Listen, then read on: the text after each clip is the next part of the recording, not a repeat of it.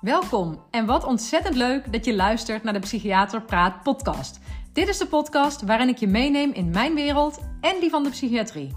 En je zult zien dat ook dat een wereld is die gaat over hele gewone mensen.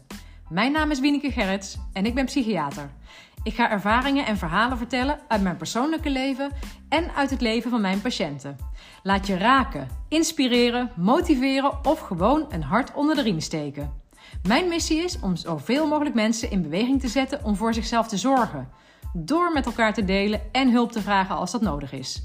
Niet alleen bij professionals, ook bij elkaar. Zo maken we samen het leven wat draaglijker en onszelf of de ander soms gewoonweg een stukje gelukkiger. Heel veel luisterplezier. Hey, hallo allemaal. Wat hartstikke leuk dat je er bent bij de Psychiater Praat podcast. En uh, ik heb vandaag ook weer heel erg veel zin om uh, deze aflevering op te nemen. Dus um, ja, ik ga jullie vandaag meenemen in, uh, nou ja, het is eigenlijk een beetje een samenvoeging van een aantal vragen die ik heb gekregen van luisteraars. Um, omdat ik van verschillende personen vragen kreeg over hoe ik omga met of wat ik vind van niet-reguliere geneeswijzen of alternatieve geneeswijzen.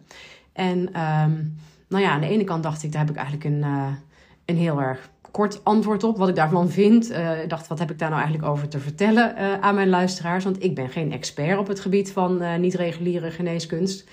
maar natuurlijk ben ik ook wel wat na gaan denken erover. En dacht ik, ja, ik heb daar wel wat meer over te vertellen. Hè? Daar kan ik best wel wat um, wat over delen. En ik heb ook uh, namelijk ook wel een aantal tips als het gaat om keuzes maken ten aanzien van uh, een niet-reguliere behandeling. Dus uh, daar gaat deze aflevering over. maar voordat ik verder ga, wil ik ook nog even reageren op. Ik heb op mijn vorige aflevering uh, die gaat over mijn inzicht uh, in relatie tot mijn handicap. Dat was een hele persoonlijke en ook met momenten emotionele opname. heb ik best wel veel reacties gekregen van mensen en ook wel her en der. Nou, wel hele steunende reacties, een heleboel sowieso. Maar ook wel wat bezorgd of wat betrokken. Zo van: gaat het goed met je? En nou, vind ik natuurlijk ontzettend lief. ja, ja, nee, vind ik echt gewoon heel erg lief. Um, maar maak je geen zorgen. Ik, heb, ik zou nooit een aflevering uh, publiceren als, ik, als dat niet goed voelde. En ik weet inderdaad, ik heb me echt van een hele intieme of persoonlijke kant laten zien uh, vorige keer. En dat doe ik omdat ik het wil.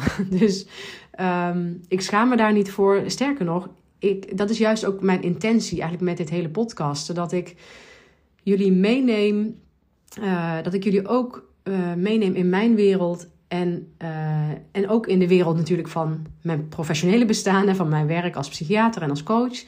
Um, maar ik wil juist ook um, gewoon ja, ook dagelijkse dingen met jullie delen. En ook inderdaad ja, kwetsbare kanten van mezelf. Ik, ik hoop gewoon dat kijk, als ik daarin voor iemand een voorbeeld kan zijn, of iemand kan inspireren, of kan steunen, of wat dan ook. Um, ik geloof er gewoon in dat, ja, dat ik juist door mezelf gewoon te laten zien um, ja, van meer waarde ben. Dat als ik dat allemaal. Ik bedoel, het is niet een must hoor. Ik, uh, ik vind ook helemaal niet dat iedereen moet daar zijn eigen keuzes in maken. Maar bij mij past het om gewoon mezelf te laten zien, ook met al die kanten. Dus ook met kwetsbare kanten en ook met sterke kanten. Um, ja. Dus dat is gewoon echt heel erg vanuit een eigen motivatie, vanuit inderdaad uh, positiviteit. En uh, ook nu als ik eraan terugdenk aan de aflevering, dan ben ik gewoon nog steeds, daar ben ik eigenlijk echt heel erg blij mee. Dus uh, ja, het gaat heel erg goed met mij. En ja, ik heb heel erg veel plezier in het uh, maken van deze afleveringen. Dus um, nou, misschien heb ik daar sommigen van jullie ook mee gerustgesteld. Maar goed, dan naar, de, naar het onderwerp van vandaag weer. ja, ik denk eigenlijk dat het ook wel handig is om eventjes te kijken naar wat wordt er nou precies bedoeld met die terminologie. Want uh, we spreken vaak van alternatieve geneeswijzen.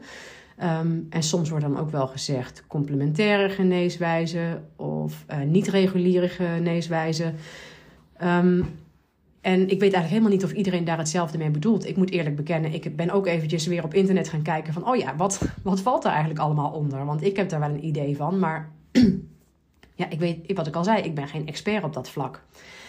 En wat ik wel interessant vond eigenlijk is. Um, nou, kijk, je hebt dus tegenover alternatief of niet regulier staat natuurlijk regulier. En wat wordt er bedoeld in Nederland met reguliere geneeswijzen? Dat zijn eigenlijk de wetenschappelijk onderbouwde uh, ja, behandelmethoden, geneesmethoden die wij in de westerse wereld hanteren. En um, dus dat zijn um, behandelingen, maar dus bijvoorbeeld ook medicatie, maar ook andere interventies, uh, operaties, uh, nou ja, wat dan ook, die wij in, um, in de gezondheidszorg toepassen, die wetenschappelijk onderzocht zijn. En um, ja, wat is nou eigenlijk wetenschappelijk onderzocht? Dat is dus dat er heel systematisch gekeken wordt, heel, heel systematisch worden gegevens over behandelingen geordend en getoetst. En waardoor het, ja, je, je, je, je streeft in ieder geval na dat het zo controleerbaar mogelijk wordt wat de uitkomst is van een bepaalde ingreep of een interventie of een methode. En um, ja, dus op basis van dat soort wetenschappelijk onderzoek ontstaan dan theorieën, theorieën uh, of hypothesen. En daarop is eigenlijk onze westerse geneeskunst gestoeld. Dus um, nou ja, even kijken of ik, een, of ik een beetje simplistisch een voorbeeld kan schetsen. Is dat nou ja, in, in mijn werkveld, hè, in de psychiatrie, dat als um, iemand depressief is en je hebt daar een medicijn, uh, er is een antidepressivum, een medicijn tegen, dat je uh, kunt kijken van nou, als je 100 mensen dat medicijn geeft en 100 mensen geef je het niet. Uh, en je meet een aantal uitkomsten, zeg maar, en stel dat die groep van de mensen die dat medicijn wel hebben gebruikt, um, vele betere uitkomsten hebben dan de groep die het niet heeft gebruikt. Uh, nou, en dan maak ik het voorbeeld wel heel simpel hoor, want er komt behoorlijk wat bij kijken dat je natuurlijk ook uh, rekening moet houden met andere factoren die mee kunnen spelen. Maar en dan zou je misschien kunnen zeggen van hé, hey, dit middel werkt, want zoveel procent wordt er beter van ten opzichte van de groep die het niet heeft gebruikt. Nou, um, en in Nederland is de gezondheidszorg dan ook zo ingericht dat de methode en de, eh, ja, de, de, de, de strategieën, de, de interventies, die wetenschappelijk getoetst zijn en dus ook werkzaam zijn gebleken, dus die herstelbevorderend zijn of genezen, dat die worden uh, meegenomen, tenminste het grootste deel, het gros, in uh, de zorg die vergoed wordt door de zorgverzekeraars. Uh, dus als jij bij je huisarts komt en je hebt een aandoening en daar is een, um, een behandelmethode die wetenschappelijk onderbouwd is, dan kun je daar gebruik van maken. Dat doet of de huisarts zelf of die verwijst je door naar een specialist. En dan uh, heb je daar behalve natuurlijk je eigen bijdrage of je eigen risico geen kosten aan. En dit geldt dan, uh, dit is dan juist um, in contrast met de, ja, wat we dus noemen de alternatieve geneeswijzen of de niet-reguliere geneeswijzen. Die zijn over het algemeen minder of niet wetenschappelijk onderzocht en worden daarom geduid als niet regulier en daardoor grotendeels niet vergoed door de zorgverzekeraars. Um, overigens, in sommige gevallen wordt het gedeeltelijk wel. Dat, dat weet ik ook uit eigen ervaring. Als je bepaalde aanvullende verzekeringen hebt, dan wordt soms alternatieve zorg tot op zekere hoogte, met gelimiteerde bedragen, wordt wel vergoed. Maar dat even terzijde. Nou las ik dat er in Nederland ook um, wel gezegd wordt van... ja, je moet het eigenlijk niet alternatieve geneeswijze noemen... want het punt is nou juist dat er geen wetenschappelijk onderzoek is verricht... of een bepaalde behandelmethode ook daadwerkelijk geneest of herstel bevordert. Dus um, wordt er eigenlijk liever gesproken van alternatieve behandelwijzen. Dus het, het, kunnen wel therapieën zijn of methoden... maar we weten eigenlijk nog niet of ze werkzaam zijn... Um, dus nu heb ik al een beetje gezegd van nou, het reguliere is wetenschappelijk onderbouwd en wordt vaak vergoed. En het alternatieve of het niet-reguliere um, is niet altijd wetenschappelijk onderbouwd en wordt vaak niet vergoed of slechts gedeeltelijk. Um, en heel grofweg zou je kunnen zeggen dat het vaak zo is dat de reguliere geneeskunde is dus de in de westerse wereld uh, nou ja, uh, onderzochte geneeskunst, dus wetenschappelijk onderbouwde geneeskunst. En heel veel van de alternatieve, niet-reguliere behandelwijzen komen vaak vanuit meer de Oosterse wereld. Niet altijd, denk ik, maar uh, grofweg kun je dat onderscheid wel maken. En nou, om dan nog heel even te, terug te komen bij de vraag die mij bijvoorbeeld werd gesteld: hè, van wat vind ik van alternatieve geneeswijzen? Dat is eigenlijk best, daar zou ik heel gelaagd op kunnen antwoorden. Maar wat ik belangrijk vind om te zeggen, omdat ik heb gemerkt dat ik als Nederlandse arts, Nederlandse psychiater, best wel vaak wordt toegedicht dat ik daar niet voor open sta, dat klopt niet. Kijk, ik ben inderdaad opgeleid helemaal strikt volgens de westerse geneeskunst. Dus wetenschappelijk onderbouwde geneeskunst volgens onze westerse uh, wetenschappelijke onderzoeken. Maar dat betekent niet dat ik samenval met de westerse geneeskunde. Ik ben zo opgeleid. Ik heb daar ook vertrouwen in. Ik, ik eh, ja, geloof daarin, wou ik zeggen. Maar ja, ik, ik geloof erin dat ik door middel van de opleiding die ik heb genoten, dat ik goede behandelingen kan geven aan mijn patiënten. Maar het is nu juist ook zo dat ik als wetenschappelijk opgeleide, als universitair opgeleide, juist ook eigenlijk um, heb geleerd om wat ik weet en wat ik doe kritisch te beschouwen. Dus ik kan ook als het ware afstand nemen van mijn opleiding of van mijn kennis en kunde. En dat beschouwen, daarna kijken en denken, ja, daar heb ik een idee over. Ja, ik denk dat het goed is wat ik heb geleerd en wat ik doe. Maar dat betekent niet dat ik alwetend ben. Integendeel juist. Hoe meer ik heb geleerd en hoe meer dat ik weet, hoe beter ik ook weet dat ik een heleboel niet weet. En um, dus kijkend naar de niet-reguliere geneeskunde of behandelwijze, denk ik, ja, ik weet daar een heleboel gewoon niet van. En dat ik er iets niet van weet, betekent dus niet, is zeker niet hetzelfde als dat het niet werkt. Het zou heel goed kunnen dat het werkt. Alleen kan ik dat niet weten, hooguit bijvoorbeeld uit een eigen ervaring of uit een ervaring van iemand die dat aan mij vertelt. Maar dus het is ook een beetje onwetendheid die maakt dat ik daar niet iets, dat ik niet vind van ik kan daar zomaar iets van vinden. Als het mijzelf aangaat, denk ik, ik ben wel ook kritisch als ik zelf ehm, in aanraking zou komen met of, of, of uh, met, met een niet-reguliere geneeswijze. Dan uh, denk ik dat ik, nou ja, soort, je zou kunnen zeggen, misschien wat voorzichtiger ben dan wanneer ik gewoon in de reguliere uh, gezondheidszorg terechtkom. En um, nou ja, om een voorbeeld te noemen, ik, uh, in, mijn eerste zwangerschap had ik op een gegeven moment best wel wat last van mijn, van mijn bekken. En ik was ehm, onder controle bij de verloskundige in de verloskundige praktijk, hè, want dat is dan weer reguliere geneeskunde. En um, nou, daar hadden wij het over. En toen zei deze verloskundige tegen mij van... Uh, nou, ik, heb, uh, ik ken een bepaalde haptotherapeut. En ik weet dat er... Hè, er zijn veel eh, vrouwen uit mijn praktijk zijn naar haar toe gegaan tijdens de zwangerschap. Ook in voorbereiding op de bevalling. En ik heb daar hele positieve verhalen van teruggehoord. mensen die zich daar heel prettig begeleid voelen en er echt iets aan gehad hebben. Um, dus ja, als je daarvoor open staat... ja, dan gaf ze mij de naam en telefoonnummer, zeg maar. Van, dan, dan kun, je, kun je haar opzoeken. Nou, ik heb daar even over nagedacht.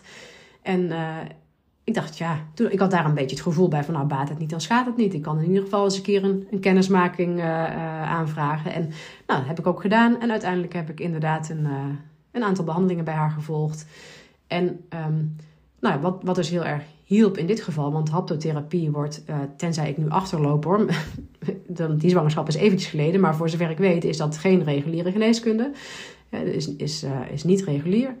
Ehm, maar ik dacht, baat het niet, dan schaadt het niet. Ik ben er naartoe gegaan, ik heb kennis gemaakt. Ik, ik heb ook even um, laten bezinken wat ze me, uh, wat ze me vertelde en, en uh, hoe zij de behandeling aanpakte en zo. Maar ik voelde me daar goed bij, dus ik heb daar gebruik van gemaakt. En ik had er inderdaad baat bij. En dat is eigenlijk wat ik ook altijd aan mijn patiënten uh, teruggeef als ze aan mij vragen. Want ik heb die vraag in mijn loopbaan behoorlijk vaak gekregen van mijn patiënten die zeggen, nou, ik wil eigenlijk naar die therapeut of ik wil eigenlijk uh, uh, dat begeleidingstraject ingaan. En dat ging dan over niet-reguliere geneeskunde. En dat ze aan mij toestemming vroegen of vroegen wat ik daarvan vond. En dan is eigenlijk altijd mijn antwoord geweest van, um, als ik, zeker als ik, als ik gewoon eigenlijk inhoudelijk niet wist wat zo'n traject inhield, dan heb ik altijd gezegd, kijk, je hoeft van mij geen toestemming te krijgen. Um, het moet niet interfereren met de behandeling die ik aan het geven ben. Dat is nog eventjes, dat staat er eigenlijk nog naast. Dus uh, ja, dat, dat vind ik. Uh, je moet geen twee behandelingen naast elkaar volgen zonder dat de twee behandelaars van elkaar weten wat ze aan het doen zijn. Want dan, ja, dan weet je helemaal niet ook welk effect van welke behandeling komt. En dat komt de patiënt denk ik niet ten goede. Maar in zijn algemeenheid heb ik eigenlijk altijd tegen patiënten gezegd, als ze naar een alternatieve geneeswijzer wilden gaan, van ja, dat staat je vrij. Uh, als jij je daar goed bij voelt, moet je het doen. Als jij er vertrouwen in hebt, moet je het doen. Uh, maar ben wel kritisch. Ga niet zomaar met iets in zee waarvan je eigenlijk niet goed weet wat het is. Dat, vind ik, dat heb ik ze ook meegegeven. Um, dus dit, uh, nou ja, als voorbeeld hoe ik daar ook zelf mee omging en welke adviezen ik aan, uh, aan mijn patiënten vaak heb gegeven. En ik denk dat er gewoon de, de reguliere geneeskunde en dus de gezondheidszorg is dus als het ware heel controleerbaar. En zeker ook, nou, net zoals ik en heel veel uh, uh, hulpverleners uh, in, in, de ziekenhuizen en in de geestelijke gezondheidszorg, wij moeten ook aan bepaalde kwaliteitseisen voldoen. En wij moeten ook um, ons eens in de zoveel jaar herregistreren en dan dus kunnen laten zien van kijk, ik heb mijn nascholing gevolgd, ik heb voldoende werkervaring ben ik blijven opdoen. nou ja, je moet jezelf eigenlijk laten controleren van doe ik mijn werk nog steeds volgens de um, nou ja, volgens de afgesproken professionele standaard, zeg maar. dus de reguliere genees gezondheidszorg, die is best wel controleerbaar. En je kunt er ook op aangesproken worden. Als ik als arts iets doe wat eigenlijk helemaal niet past bij de geldende professionele standaard en een patiënt wordt er slechter van, dan kan die mij tuchtrechtelijk een, een klacht tegen mij indienen. En in het allerergste geval, als ik echt als arts dingen aan het doen ben die totaal niet bij mijn vakgebied horen of die niet onderbouwd zijn, in het allerergste geval kan dat leiden tot een schorsing uit mijn register van de psychiaters. Hè. Dus, dan, ik, dus ja, ik, ik ben ook wel zeg maar, redelijk gebonden aan dat ik echt moet blijven doen wat ik heb geleerd en wat wij aannemen als, uh, nou ja, dus als wetenschappelijk onderbouwd. En dat geldt niet voor allerlei beroepsgroepen of die, uh, die zich niet in de uh, reguliere gezondheidszorg bevinden. Um, dus het is, dat, dat, is als het ware wat minder toets, toetsbaar. En de, dus in de niet-reguliere uh, ja, behandelwijze. En daar valt van alles onder. Um, dat, dat gaat van uh, natuurgeneeskunde tot homeopathie, tot osteopathie, chiropractie, uh, antroposofische geneeswijze, Chinese geneeskunst. Uh, nou, volgens mij ook manuele therapie of allerlei vormen van ontspanningsprocedures. Zeg maar, daar, daar valt heel veel onder de alternatieve geneeswijze of behandelwijze. En omdat dat minder toetsbaar is, weet je gewoon van tevoren minder goed ja, wat wat de kwaliteit is. En dan moet ik misschien ook wel ophelderen dat het natuurlijk. Uh, dat, de, dat het niet een, dat reguliere geneeskunst niet een garantie is voordat het werkt. Want ja, dat weet ik ook heus wel. Dat wordt soms ook uh, in de media heel breed uitgemeten. Of, en, en natuurlijk, ook al zijn wij uh, westers en wetenschappelijk opgeleid, er zitten ook grenzen aan wat wij kunnen. En er zijn dus ook dingen die we niet kunnen. En daarnaast zijn we als artsen ook allemaal mensen. Uh, met misschien ook wel onze eigen eigenaardigheden. Dus het zou heel goed kunnen zijn dat jij in de gezondheidszorg in Nederland negatieve ervaringen hebt in de, uh, in de reguliere gezondheidszorg. En um, of dat inderdaad de uitkomsten van behandeling uh, juist het tegenovergestelde zijn van wat jij wilde. Dus dat het regulier is, dat staat weer in, is geen synoniem van uh, 100% effectief. Dat, uh, en je kunt ook wel eens een arts tegenkomen die, waar, je, waar je gewoon ook een slechte match mee hebt. Of waarmee, waardoor je je niet gezien voelt of begrepen voelt. Of niet goed bejegend voelt of wat dan ook. En andersom kan het dus zijn dat juist in de niet-reguliere gezondheidszorg je dat juist wel vindt. En dat het dan misschien bij wijze van spreken niet een wetenschappelijk onderbouwde behandelmethode is. Maar dat je juist wel daar je, je 100% goed bij voelt. Omdat uh, het iemand is die goed bij jou aansluit. En waar, ja, waarbij je dus een positief effect beleeft aan wat die persoon dan ook hè, met jou doet. Maar het is minder controleerbaar. En dat vind, dat vind ik dus ook wel zelf echt een maar. En daarom ben ik zelf kritisch als, ik, als het over mezelf gaat. En uh, dat, zo, zou, zo adviseer ik, zou ik ook mijn vrienden en mijn familie adviseren om daar kritisch mee om te gaan. En uh, zo las ik laatst een, uh, een post op LinkedIn van een collega-psychiater van mij. Die zei van, kijk, als iemand bijvoorbeeld iets heel ernstigs meemaakt en daar um, een levensles uithaalt, dan betekent dat nog niet dat die mensen die hetzelfde meemaken daar ook goed mee kan helpen. Want, want dat zie je wel vaak gebeuren, hè? dat mensen iets leren door levenservaring en dan denken, hé, hey, daar wil ik andere mensen ook mee helpen. Nou, heel vaak gaat dat denk ik goed. Maar los van, het kan best zijn dat, dat je bij iemand komt en ehm, dat hij helemaal geen geen medicijnen geeft of helemaal je niet aanraakt of wat dan ook, maar ook woorden kunnen schaden. Dus ben, stel dat jij zelf, ehm, nou ja, emotioneel of psychisch beschadigd bent hè, of kwetsbaar bent, ja, ben wel voorzichtig met wat ook al alleen maar gewoon in gesprekstherapie, uh, wat dat met je kan doen. En dat, dat kan je namelijk ook schaden. Ook woorden kunnen traumatiserend zijn, zeg maar. Dus, en dan kom ik een beetje op. Ehm, dat als ik nadenk over niet-reguliere uh, behandelwijzen en hoe ik daarmee omga, dan, dan zijn er eigenlijk zeg maar drie pijlers waar, waar ik altijd rekening mee hou en waar ik ook jou mee zou adviseren rekening mee te houden. Eén is denk ik, wat ik in het begin al zei, dat voorbeeld van die verloskundige waar ik kwam. En dat is dus de bron of het review wat je hebt. En de reviews die je kunt vinden over uh, datgene wat je wil gaan uh, opzoeken. Als je het uit een betrouwbare bron hoort, uh, met positieve resultaten. Of als je op internet kijkt bijvoorbeeld en, uh, en je kunt bijvoorbeeld over een specifieke persoon of over een bepaalde behandelvorm heel veel um, recensies vinden, dan kan dat je informatie geven. Hè? Dat, kijk, stel dat er jou duizenden mensen zijn voorgegaan en die zeggen van ja, dit, dit heeft mij echt geholpen bij dit en dit probleem. Nou, dat, dat zou wel een van de pijlers zijn waarvan ik zeg: Oh, dat is zeg maar een, een, een, een ja, hè, dat, dat laat je bewegen in, naar, naar de ja-kant. Van ja, dit wil ik gaan doen. En dan zijn er nog twee waar, waar ik altijd. Uh, waar ik altijd naar kijk. Eén, dus één is zeg maar de reviews of de bron. Hoe kom je ergens bij, bij iemand of een behandelvorm? Het andere is van, ik zou toch ook altijd even wat research doen naar, die achtergrond van die persoon of die behandelvorm.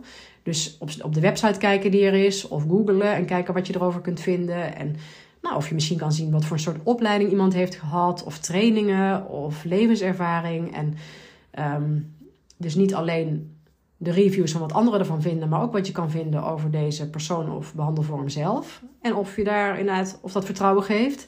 En dan als derde, uh, en die drie werken op elkaar in, zeg maar. Als derde zou ik altijd kijken, luisteren naar je intuïtie of je gevoel ergens bij.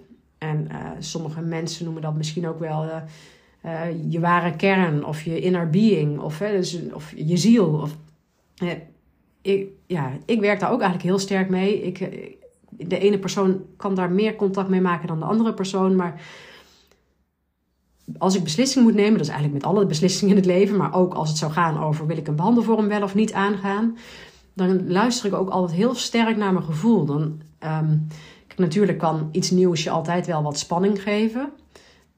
Dus dat je daar misschien wat zenuwachtig van wordt, hè, of een beetje spanning voelt, dat, dat, dat, ja, dat vind ik heel passend. Maar in het algemeen moet je je er wel oké bij voelen. Er moet een soort gevoel van vertrouwen komen. Een gevoel van, ja, dit klopt, of dit voelt fijn, of dit is oké. Want als dat niet zo is, of als je juist merkt van, oh, ik word heel angstig, of ik wil hier eigenlijk van wegrennen, of dit voelt niet oké, wat voor een gevoel het dan ook is, maar een niet oké gevoel, daar zou ik ook echt naar luisteren. En um, ja, ook al helemaal als het zo is dat je bijvoorbeeld ook uh, als het een behandelvorm is waarbij een ander je aanraakt of zo. Dat, ik zou daar ook gewoon heel erg kritisch naar zijn en heel voorzichtig mee zijn. Want um, ja, je wil wel echt je eigen lichaamsintegriteit in de gaten houden en je grenzen bewaken. Dus dat moet goed voelen. Ook als iemand je dingen wil voorschrijven. Hè? Of het nou uh, korreltjes zijn of druppeltjes of uh, kruiden of zo ik zou uh, ook daar gewoon echt wel wat van willen weten. Van wat, wat zijn dat dan voor stoffen? Wat doet dat dan? En, maar ik zou dus ook dan naar mijn gevoel luisteren. En die combinatie van voelt dit goed? Wat zijn de recensies en wat is iemands achtergrond? Die drie dingen, die zou ik eigenlijk, die moeten alle drie kloppen. Wil ik ja zeggen tegen een therapie of een behandelvorm die op dit moment in ieder geval nog niet in de reguliere geneeskunst uh, uh, wordt toegepast. En, um, want ja, ik weet niet uh, of jullie daarvan wel eens over uh, hebben gehoord, maar er is bijvoorbeeld ook een vereniging tegen de kwakzalverij. Met kwakzalverij wordt dus eigenlijk bedoeld uh, dat iemand in professionele zin iets aanbiedt, een dienst of een behandeling, um, en terwijl die niet bewezen is en uh, misschien dus zelfs schadelijk zou kunnen zijn. Er is een website van. Als je dat nog nooit, hebt, uh, nooit van hebt gehoord, moet je er maar eens naar kijken. Ik vind de toon is vaak wel heel scherp en uh, ja, soms ook best wel een beetje agressief, zeg maar. Maar um, die vereniging is er ook echt om ervoor te zorgen, om, om mensen soms te waken of te waarschuwen ook voor, nou ja, voor de schade die je ook kunt oplopen aan een niet-reguliere behandeling. En ik keek net nog even op die website. Uh, omdat ik, ja, ik was zelf ook weer even nieuwsgierig, want ik heb al jaren geleden hier kennis meegemaakt. En dat uh, wist ik van het bestaan daarvan. Maar nou, dan zag ik inderdaad bijvoorbeeld ook een artikel van een bepaalde persoon die, uh, die een behandeling aanbood aan een patiënt die kanker had. En die het advies kreeg van nee, negeer die diagnose, negeer die kanker. We moeten jouw trauma aanpakken en dan zal jouw lichaam zichzelf ook helen. En deze persoon is aan zijn, aan zijn kanker overleden. Um, en ja, ook al sluit ik eigenlijk helemaal niet uit dat, die, dat dit misschien wel zo zou kunnen werken. Want er is, ik geloof er ook in, er is veel meer tussen hemel en aarde eh, dan ik weet. Ik, ik, ik heb juist het gevoel dat ik maar heel beperkt weet wat er allemaal bestaat. dus misschien is het wel zo dat we, uh, dat we de kanker die wij nu als een in de westerse geneeskunde zien als iets wat je inderdaad met medicatie moet behandelen, hè, of met operaties en zo. Ehm, misschien bestaat het inderdaad wel dat het ook op een hele andere manier te behandelen valt. Op, veel meer op energie gericht, op, uh, nou ja, op dingen die ik niet ken. Maar ja, ik ben, ik ben nog nooit overtuigend. Um, uh, hoe zeg je dat? Nog, nog nooit overtuigd van dat daar inderdaad zo'n specifieke um, geneesvorm van bestaat. Als ik een tumor in mijn lijf zou hebben, ook al sta ik zeg maar open voor die hele andere zienswijze, nou, ik weet wel 100% zeker dat ik me tot de reguliere geneeskunst zou wijden. Zou, ja, want, um, want dat is in ieder geval waar de wetenschap zich nu um, gedeeld, ja, of nou ja, in bewezen heeft, zeg maar. Dus, nou ja, dit, maar, dit is best wel een extreem voorbeeld natuurlijk. Maar, um, maar blijkbaar inderdaad, nou, ik las dat artikel dus, blijkbaar gebeurt dit ook nog steeds. En um, wees er dus voorzichtig en kritisch uh, in. En um, nou ja, om nog eens eventjes daar heel even op in te gaan. Uh, want ik heb eigenlijk het nog niet zozeer gehad over spiritualiteit. En ook vanuit de spiritualiteit zijn er, dat daarvan vallen ook weer, uh, denk ik, zienswijzen of behandelvormen uh, die onder de groep van niet-reguliere geneeskunst bestaan. Ik, um, nou, ik heb het al een paar keer gezegd, maar ik geloof er ook gewoon in dat er een heleboel is wat we niet weten. En uh, ik ben zelf best wel uh, geïnteresseerd in het spirituele, in, in energetische balans, zeg maar, en, en de lichaam, ziel. Um, ja, je, het is dus, je kunt dat of veel dualistisch zien als twee losse dingen. Maar bijvoorbeeld uh, ja, vanuit de Oosterse geneeskunst wordt het veel meer gezien als een holistisch beeld. Hè? Als, als één, het geest en het lichaam. En um, uh, nou, bijvoorbeeld, je hebt de, de, chakra-leer, het, chakra-systeem waar ik nu best wel in geïnteresseerd ben. Ik heb er een boek over gekocht en uh, dat is eigenlijk een heel filosofisch model waar, um, ja, het lichaam wordt, dat er in het lichaam verschillende energetische centra zijn. Waarbij, ja, ik weet niet of ik het helemaal goed uitleg, want ik ben hier dus zeker geen expert in. Maar uh, waarbij eigenlijk ja, onderdelen van je ziel worden gerepresenteerd in je lichaam. Maar dat het ook een soort wisselwerking is. Waar je dus ook door energetisch werk eigenlijk je gezondheid kunt bevorderen. En, uh, en dat gebeurt dus onder andere bijvoorbeeld door eh, zaken zoals uh, yoga of ademhalingstechnieken of meditatie of visualisatie of um, nou ja, bio-energetische technieken en zo. En um, dat, uh, dat, is zeker ook, dat valt zeker ook onder de niet-reguliere geneeskunst hier in onze westerse wereld in ieder geval. En um, dat maakt volgens mij nu ook wel een opmars, ook al langere tijd wel, maar er wordt steeds meer van dergelijk aanbod het, aanbod gegeven in Nederland en in, in de hele westerse cultuur. Dus ik vraag me ook af, want sommige dingen zijn denk ik ook best wel moeilijk wetenschappelijk te onderzoeken. Maar als we dadelijk 100 of 200 of 300 jaar verder zijn, misschien um, zijn, deze methode wel veel meer geïntegreerd, ook in onze reguliere geneeskunst. Het zou kunnen, dat weet ik niet. Maar nou, als je kijkt waar, uh, waar we nu staan, um, denk ik dus echt van nou, ik, zou, ik heb zelf, ja, oké, ik ben als arts op, opgeleid in de westerse geneeskunde. Ja, ik heb zelf best wel een groot vertrouwen uh, in deze geneeskunde. Uh, ik zie ook zeker dat er beperkingen zijn. En er zijn ook, nou ook zeker in de psychiatrie. We weten van een heleboel dingen nog helemaal niet hoe het in elkaar steekt of hoe het precies werkt. En we doen het allemaal, onze behandelingen doen we naar ons beste kunnen. En ik denk dat we ons bewust moeten zijn van de beperkingen die daar ook aan zitten. En, um, dus, maar ik heb wel, ja, ik heb eigenlijk wel een groot vertrouwen erin. En aan de andere kant um, heb je dus een niet-reguliere geneeskunde, waar, waaraan denk ik ook beperkingen zitten. En waarbij, uh, omdat er dus minder wetenschappelijk onderzoek naar is verricht, ook minder misschien de risico's bekend zijn of de nadelige effecten bekend zijn. Dus daar zou ik iedereen adviseren om daar wel met een soort, um, nou ja, ook een soort gezond verstand mee om te gaan. En um, dus echt te kijken van, voelt het goed? Uh, zijn er goede reviews? En heeft iemand een beetje een betrouwbare achtergrond? Hè, eh, waardoor jij uh, het gevoel hebt van, nou, hier kan ik wel op vertrouwen en dit durf ik te proberen. En um, dan zit ik nog te denken, ik, ik kreeg ook nog van een oud collega hier een vraag over. Dat ging dus meer over, zij werkte, we hebben een hele tijd samengewerkt. Uh, ik was psychiater daar, zij was uh, SPH of ze werkte als sociotherapeut en als cognitief gedragstherapeutisch werker. en ja, een collega die ik echt hoog heb zitten, die gewoon heel in de GGZ dus, die gewoon heel, ja, in mijn ogen heel goed werk verrichtte in haar, um, in haar functie.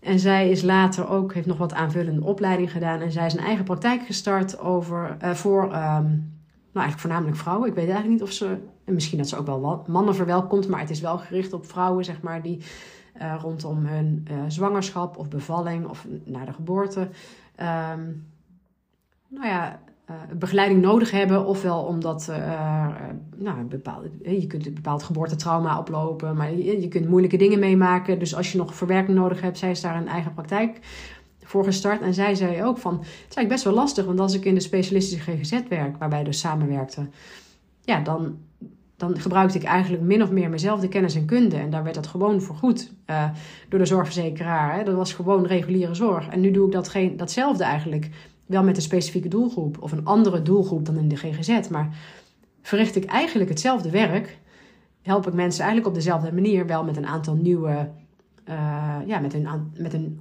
nieuwe, nieuwe theorieën misschien. Maar eigenlijk ben ik dezelfde, heb ik, lever ik dezelfde kwaliteit, maar word ik ineens niet meer uh, gezien als, uh, wordt het niet gezien als reguliere geneeswijze. En wordt het niet vergoed en trek ik dus ook een andere doelgroep aan. Want nou, mensen moeten dit zelf betalen of krijgen misschien een stukje vergoed. Maar...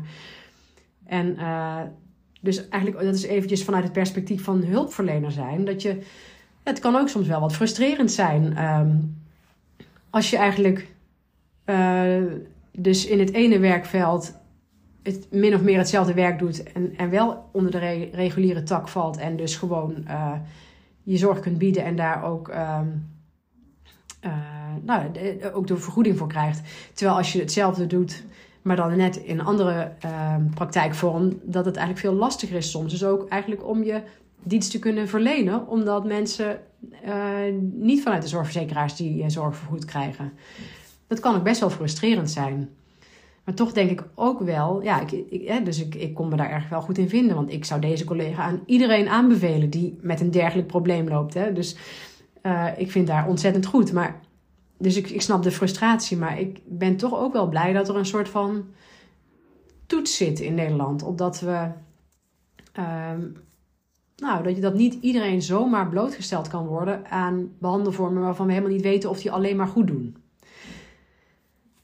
Dus ik hoop dat ik op deze manier een beetje een, uh, een antwoord heb kunnen geven op de vragen van een aantal verschillende personen die ik heb gekregen. Van hoe kijk ik er tegenaan en hoe ga ik ermee om?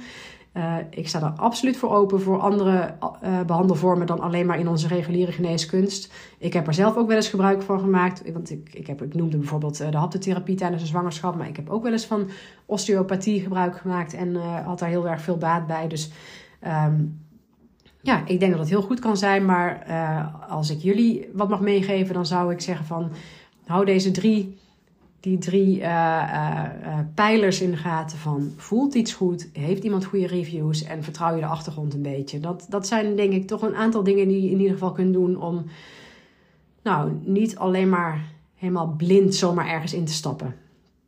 En um, nu zeg ik nog eventjes, want dat vind ik eigenlijk gewoon heel leuk om even te zeggen. Uh, die collega die ik net noemde, um, uh, waarover ik sprak. Uh, ik heb het helemaal niet met haar afgesproken. Maar stel dat jij aan het luisteren was en dacht: hé, hey, ik heb inderdaad iets nog te verwerken rondom een zwangerschap of een bevalling of zorgen na een geboorte. haar praktijk heet Materna Care. ik heb laatst ook een coachklant van mij naar haar verwezen, omdat zij met zoiets dergelijks worstelde. Um, en uh, of dat uiteindelijk tot de behandeling is gekomen, dat weet ik helemaal niet hoor. Maar uh, nou ja, ik beveel haar echt heel erg aan. Dus uh, ik zal het eventjes ook nog in de, in de, hoe noem je dat ook alweer? De beschrijving bij deze aflevering zal ik het ook nog eventjes noemen. Want um, nou ja, ik beveel haar echt van harte aan, mocht je met zoiets dergelijks rondlopen. Nou, dit was hem weer voor vandaag. Ik hoop dat jullie met plezier geluisterd hebben. Ik vond het in ieder geval weer uh, super leuk dat je er was. Hartstikke blij dat je luistert. Ik hoop dat ik je iets heb kunnen meegeven en dat je misschien iets hebt aan mijn tips. En uh, nou ja, hopelijk ook weer tot de volgende.